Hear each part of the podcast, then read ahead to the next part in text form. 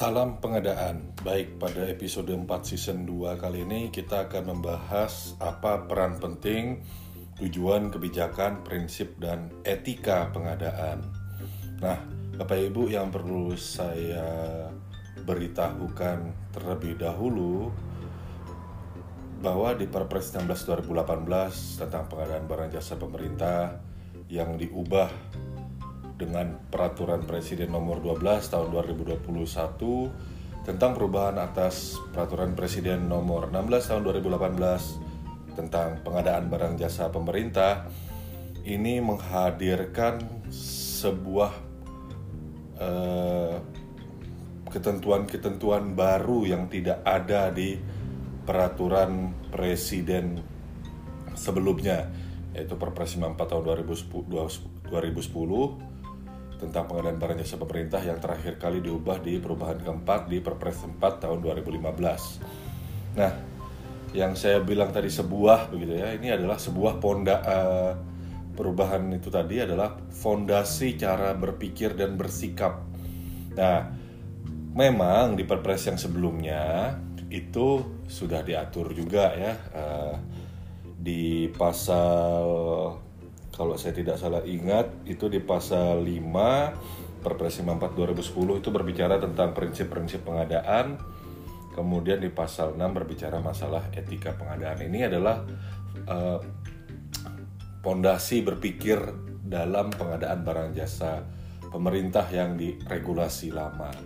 Nah, di Perpres PBJ yang terbaru yang di yang diupdate di 12 2000 21 yang merubah 16 2018 atau yang masih ber, perpres PBJ yang masih berlaku saat ini ya itu ada uh, tambahan begitu ya. Jadi ada tujuan ada kebijakan ada prinsip dan etika pengadaan.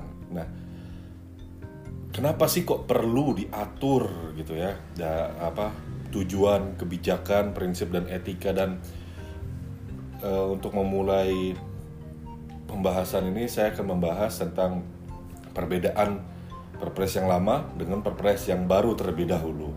Nah, di perpres yang lama hanya ada prinsip dan etika pengadaan. Artinya eh, ini bisa kita pahami bahwa eh, perpres yang lama itu kan memang dari metode eh, dari metode pembuatannya hingga diundangkannya begitu ya. Prinsipnya tujuan dari perpres itu adalah perbaikan tahap awal begitu. Makanya kalau kita perhatikan di uh, apa namanya itu ya uh, cara pengadaan di situ disebutkan cara pengadaannya adalah melalui swakolola dan atau pemilihan penyedia. Nah pemilihan penyedia ini kan sebenarnya hanya salah satu uh, aspek dalam pro, dalam proses pengadaan barang jasa pemerintah. Ya, jadi ada apa namanya uh, aktivitas lain di luar dari pemilihan penyedia. Walaupun memang kita sadari bahwa bukan berarti saya bilang perpres yang lama tuh tidak bagus ya. Jadi memang pada zamannya yang lebih prioritas waktu itu adalah memberla, apa, membakukan proses pemilihan penyedia begitu. Nah, cuman pengadaan barang jasa pemerintah ini kan cakupannya sangat luas, ruang lingkupnya juga luas sekali ya waktu itu hingga sekarang ini malah makin luas lagi gitu ya. Nah, jadi kalau kita perhatikan bahwa tidak mungkin dibakukan dengan teramat rigid gitu. Maka ada beberapa hal yang memang ya dibuat uh, apa istilahnya ya sangat secara umum sekali.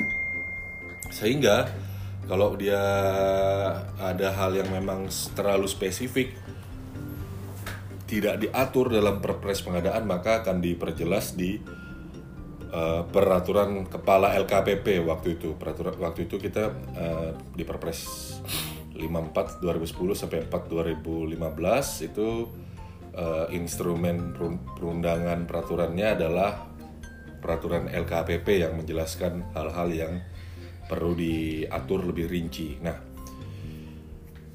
bagaimana? Tapi itu pun juga tidak bisa meng, cover semua yang ada di dunia ini begitu ya di Indonesia ini bisa jadi sama-sama pengadaan barang ya pengadaan barang itemnya sama tapi uh, itemnya sama-sama buku begitu ya tapi cara pengadaannya berbeda contoh pengadaan buku untuk pendidikan dasar dengan pengadaan buku atau jurnal untuk kepentingan penelitian. Hal-hal seperti ini kan tidak bisa diatur secara uh, baku karena karakteristiknya berbeda-beda. Aturan yang ada pada saat itu hanya mengatur sesuatu yang sifatnya umum. Nah, bagaimana untuk sesuatu yang sifatnya spesifik? Tadi saya contohkan dengan dua jenis pengadaan buku yang berbeda itu ya. Ya. Cara berpikirnya adalah asalkan masih uh, sesuai dengan koridor perpres pengadaan dan tidak melanggar prinsip dan etika maka hal-hal tersebut ya dapat di apa namanya dapat dikembangkan lebih lanjut. Nah, dulu hanya diatur prinsip dan etika karena memang ruang lingkupnya sangat kecil ya. Hanya di pemilihan penyedia. Kalau Bapak Ibu perhatikan di pasal 3-nya, pasal 3 bila saya tidak salah mengingat Perpres 54 2010 hingga Perpres 4 2015 itu pengadaan barang jasa dilakukan dengan cara swakelola dan atau pemilihan penyedia. Nah, hal ini menjadi sangat berbeda dengan Perpres 16 2018.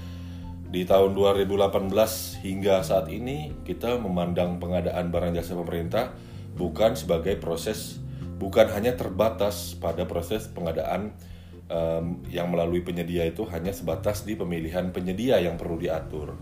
Mulai dari tahap perencanaan, tahap persiapan, tahap pelaksanaan. Kalau mau di breakdown lagi, perencanaan-perencanaan itu ya ada perencanaan pengadaan melalui swakelola, ada perencanaan pengadaan melalui penyedia. Penyedia itu tadi kalau kita mau kategorikan lagi ada jenisnya pengadaan khusus, ada pengadaan reguler. Kemudian di per, per, uh, demikian juga di perencanaan ya uh, eh di persiapan ya. Persiapan BBJ juga melalui di breakdown lagi bisa melalui penyedia bisa melalui swakelola pelaks uh, di persiapan itu tadi ya dilanjutkan dengan tahap pelaksanaan. Di pelaksanaan PBJ melalui swakelola PBJ melalui penyedia PBJ melalui penyedia itu diatur lagi ya ada berapa tahapan nih pelaksanaan pemilihan penyedia yang mulai dari tahap persiapan pemilihan, tahap pelaksanaan pemilihan, eh, kemudian tahap persiapan berkontrak dan tahap pelaksanaan kontrak hingga serah terima pekerjaan dilakukan.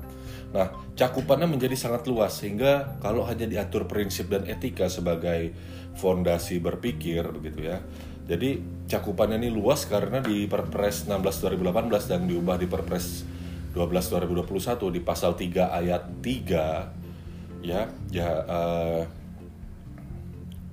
itu cara pengadaan adalah swakelola dan atau penyedia. Jadi menghilangkan satu kata pemilihan penyedia yang ada di Perpres 54 2010 dengan di Perpres 16 2018 menjadi cara penyedia saja itu dampaknya luas sekali.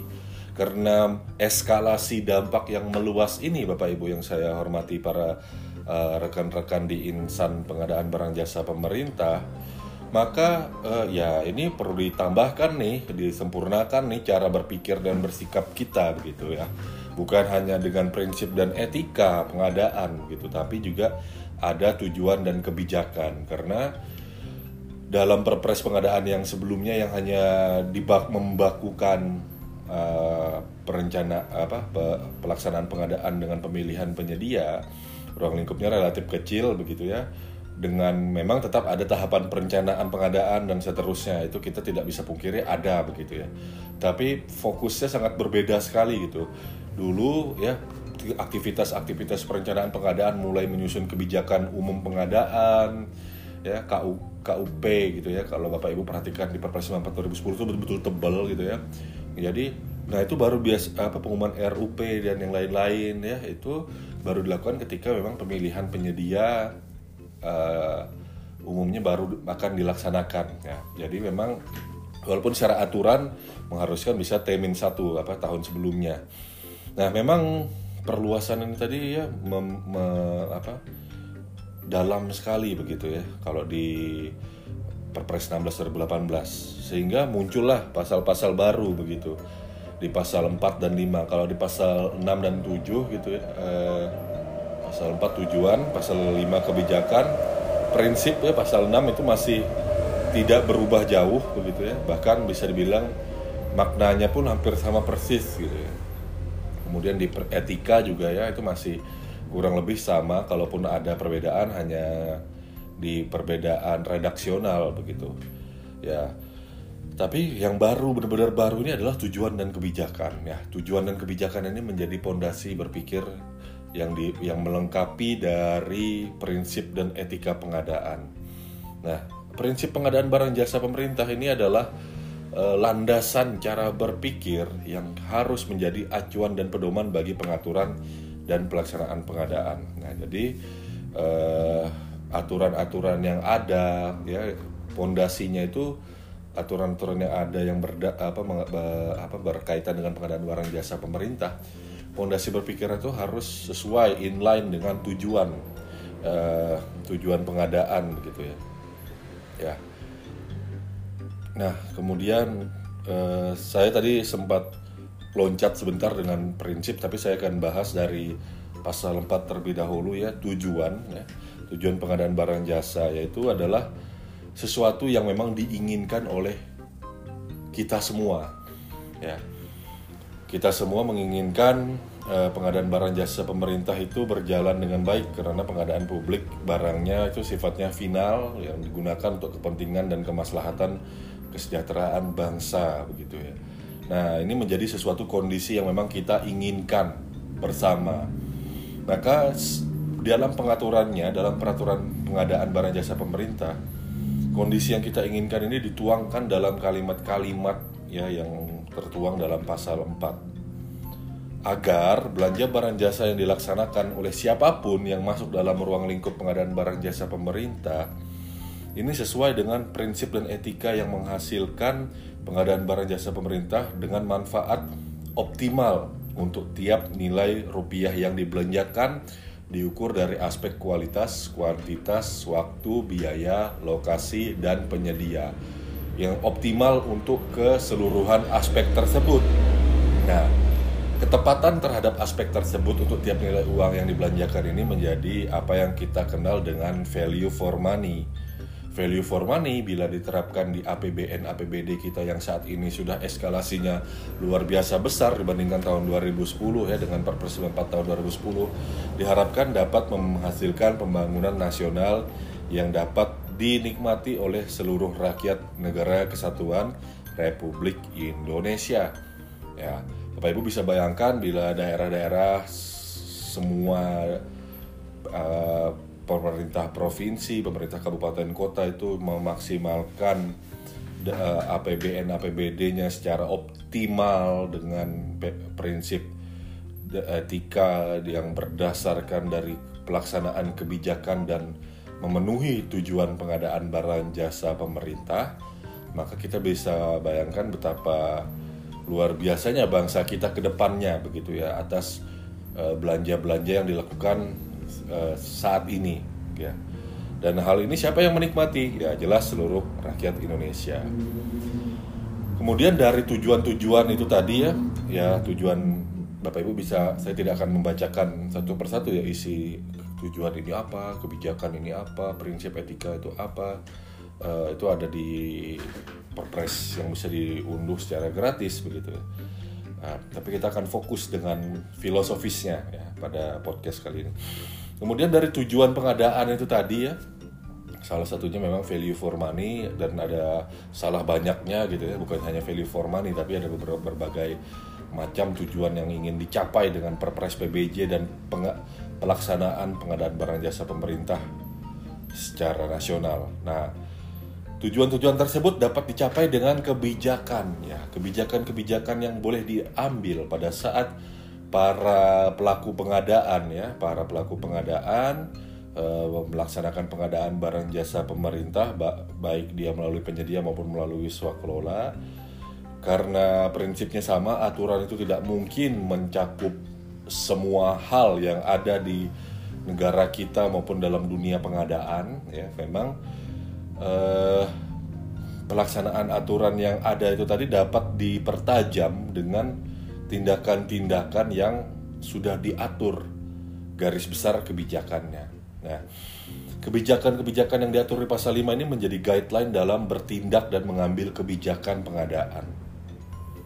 Dengan demikian, karena dia diambil sebagai uh, guideline yang utama atau cara bertindak yang utama dalam melaksanakan pengadaan barang jasa pemerintah, maka kebijakan pengadaan ini dapat kita sebut sebagai strategi dan cara bagi instansi pemerintah, baik dia kementerian, lembaga maupun perangkat daerah pada Pemda, untuk mencapai tujuan pengadaan sesuai dengan eh, apa yang sudah dituliskan di pasal 4 itu tadi ya, tujuan pengadaan, tujuan pengadaan itu tadi. Nah, jadi ada kaitan yang erat antara tujuan dengan kebijakan. Dan tujuan dan kebijakan itu bukan cuma kalimat-kalimat lip service yang indah saja gitu ya, bukan hanya untayan kalimat yang bagus ditulis, bagus dibaca, enak diingat begitu bukan. Tapi memang menjadi apa cara berpikir dan uh, fondasi kita untuk bertindak mengambil keputusan dan menuangkan pelaksanaan kebijakan yang memang diambil oleh pemerintah. Nah, jadi tujuan dan kebijakan ini tadi menjadi akar fonda akar dari kalau kita bayangkan pohon ya itu akar yang paling dalam itu ya. Nah, kemudian eh, perlahan-lahan naik ke atas tumbuh gitu pohon maka ada prinsip dan etika ya. Nah prinsip dan etika ini tadi jelas ya sesuai dengan tujuan dan kebijakan nah dia juga menjadi landasan ya yang harus menjadi acuan dan pedoman bagi pengaturan dan pelaksanaan pengadaan. Kemudian, prinsip-prinsip pengadaan ini tadi selain dia diterjemahkan ke dalam regulasi prosedur dan tata cara pengadaan juga memang dilaksanakan dalam perilaku kita pada saat uh, melaksanakan pengadaan barang jasa pemerintah. Khususnya bila kita memperhatikan bahwa pengadaan barang jasa pemerintah ini kan tarafnya adalah keahlian ya, di atas keterampilan maka di situ ada pengetahuan, keterampilan dan sikap kerja gitu ya. Bukan hanya keterampilan saja ya yang namanya keahlian itu, tapi ada pengetahuan dan sikap kerja. Nah, pengetahuan dan keterampilan itu uh, bila tidak disertai dengan prinsip PBJ yang merupakan landasan fondasi dari sikap kerja kita maka tidak akan berjalan dengan semestinya dan tidak tercapailah kebijakan yang ada di pasal 5 maupun tujuan yang ada di pasal 4. Dengan demikian, prinsip pengadaan barang jasa yang diatur dalam pasal 6 ini adalah menentukan bagaimana pengadaan ini dikelola pada saat pelaksanaannya. Ya, jadi jangan sampai cara cara kita mengelola pengadaan itu tadi melanggar prinsip-prinsip pengadaan barang jasa pemerintah. Kemudian ya, setelah kita memiliki kepatuhan ya, sikap kerja yang baik gitu ya. Pengetahuan atas etika, kebijakan, ya sorry, pengetahuan atas pri, uh, tujuan, kebijakan dan prinsip pengadaan, keterampilannya kita miliki. Sikap kerjanya tidak cukup hanya dengan mempedomani prinsip saja gitu ya perlu disuplementasikan juga dengan etika pengadaan barang jasa pemerintah. Nah, etika pengadaan barang jasa pemerintah ini kan namanya etika itu kan berbicara sesuatu yang etis untuk dilakukan, ethical gitu ya, e, layak dan terhormat untuk dilaksanakan. Nah, nah dalam hal kehormatan gitu ya, kehormatan kita sebagai pelaku pengadaan dalam melaksanakan pengadaan barang jasa pemerintah ini tadi sesuatu yang sifatnya bisa dibilang ya terhormat sesuai dengan tujuan prinsip eh, tujuan kebijakan dan prinsip pengadaan barang jasa pemerintah ini tadi adalah sesuatu yang dilaksanakan dengan secara beretika. Secara beretika ini menjadi dasar akan terlihat nih apa pembatasnya gitu ya antara hitam dan putih begitu. Nah, ketika kita berbicara pembatas antara hitam dan putih ini tadi, maka pembatasnya itulah yang disebut sebagai standar dan pedoman perilaku. Maka dalam etika pengadaan barang jasa pemerintah itu isinya adalah standar dan pedoman perilaku bagi para pelaku yang terlibat dalam pengadaan untuk melaksanakan proses pengadaan itu tadi. Ya. Pedoman perilaku ini menjadi penting begitu ya bagi para pelaku yang terlibat dalam pengadaan untuk melaksanakan proses pengadaan. Nah, sehingga kalau kita bisa simpulkan uh, ketika anda belajar apa pengadaan barang jasa pemerintah dari Perpres yang sebelumnya ke Perpres yang berlaku saat podcast ini dibuat yaitu Perpres 12 tahun 2021 tentang perubahan atas peraturan Presiden nomor 16 tahun 2018 tentang pengadaan barang jasa pemerintah maka kita bisa memperhatikan bahwa saat ini sudah ada eskalasi prinsip etika saja tidak cukup tapi juga perlu memodul, mem, apa, berlandaskan berfondasi pada tujuan dan kebijakan. Ya tujuan dan kebijakan. Tujuan kebijakan prinsip dan etika itu tadi bila dilaksanakan dengan uh, dalam dinamika pengadaan yang relatif luas dalam dunia uh, procurement Indonesia ini tadi ya. Ini kalau dilaksanakan ya maka tujuan utama dari keberadaan Perpres pengadaan barang jasa pemerintah ini dapat tercapai ya. Jadi sebelum saya demikian kesimpulannya sebelum saya menutup podcast ini uh, supaya lebih mengenal lagi begitu ya Mari kita bayangkan seseorang yang sedang akan uh, memanah, begitu ya, memanah. Nah, tujuan pengadaan itu bisa kita bayangkan kalau dalam proses pengadaan itu kan ada papan targetnya yang bulat-bulat-bulat itu ya. Baru titik utamanya yang jadi tujuan itu ada di uh, titik sasaran yang di tengah-tengah Eh, pusat dari lingkaran sasaran itu tadi itu bisa kita anggap sebagai tujuan pengadaan ya. Mana tujuan pengadaan yang utama itu adalah manfaat ya. Tercapainya manfaat atau value for money bagi pembangunan negara kesatuan Republik Indonesia dengan pengadaan barang jasa pemerintah. Nah tujuan pengadaan ini tadi ya ketika kita mau memanah, Anda bayangkan uh, atlet pemanahnya itu pasti menggunakan uh, busur dan anak panah. Busur itu adalah alat, ya. alat atau cara untuk melontarkan anak panahnya. Anak panah ini tadi adalah kondisi awal, kondisi awal dan yang menjadi tujuannya adalah mengantarkan anak panah yang sedang kita pegang untuk men, apa, melesat tajam terkena ke tujuan ya. Nah, kebijakan itu adalah busurnya. Nah prinsip ini adalah sikap kita dalam menarik anak panah tersebut dari busurnya prinsipnya adalah cara kita ya melakukan ya uh, anak panah itu kita letakkan di busurnya ya. Kemudian kita tahu prinsipnya bahwa supaya anak panah ini bisa melesat maka perlu ditarik dari busurnya. Ketika dalam uh, posisi tertentu uh, siap untuk dilepaskan baru dilepas. Jadi pada saat ditarik sampai posisi tertentu dari busur itu tadi ya anak panah itu kita lepaskan sehingga dapat melesat menuju sasaran. Nah itu kebijakan adalah busurnya, prinsip adalah skemanya, caranya kita melakukan gitu ya.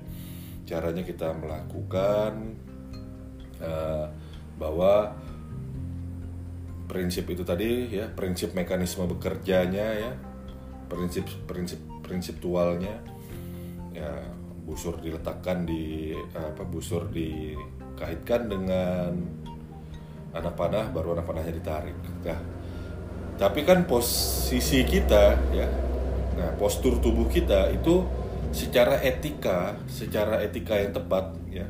Ketika memanah adalah berdiri menyamping ya, menyamping sejajar dengan busur dengan anunya ya, buka jadi uh, busur dan anak panahnya.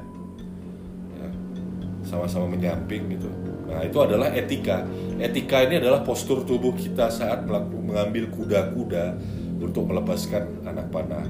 Idealnya berdiri tegap, menyamping, menyamping uh, sehingga kita bisa apa bagian tubuh kita itu sejajar dengan uh, busur dan anak panah begitu ya. Bukan ya tengkurap, diarap ya maksudnya, bukan duduk-duduk. Nah, jadi itu adalah etika.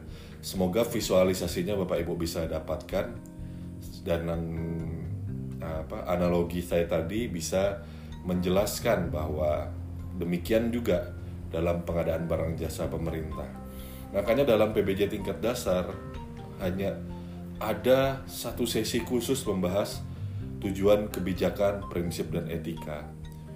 Ya, ketika kita menguasai tujuan kebijakan, prinsip dan etika, oh mau melakukan swakelola, oh kita sudah tahu nih eh, langkah-langkahnya seperti apa. Terlepas dari memang kita memang sudah tahu uh, pasal-pasalnya begitu ya. Kemudian ketika kita dihadapkan dalam posisi uh, dinamika di lapangan kita sudah tahu apa yang harus dikerjakan karena kita memahami bagaimana tujuan prinsip uh, tujuan kebijakan prinsip dan etika pengadaan. Demikian uh, podcast kali ini ya. Uh, semoga bermanfaat. Bila ada hal-hal yang memang kurang berkenan saya mohon maaf. Terima kasih banyak. Eh, kepada rekan-rekan insan pengadaan yang sudah setia mendengarkan podcast ini. Uh, kita berjumpa lagi di podcast-podcast episode berikutnya. Tetap sehat, tetap produktif, tetap semangat, tetap berintegritas, dan salam pengadaan.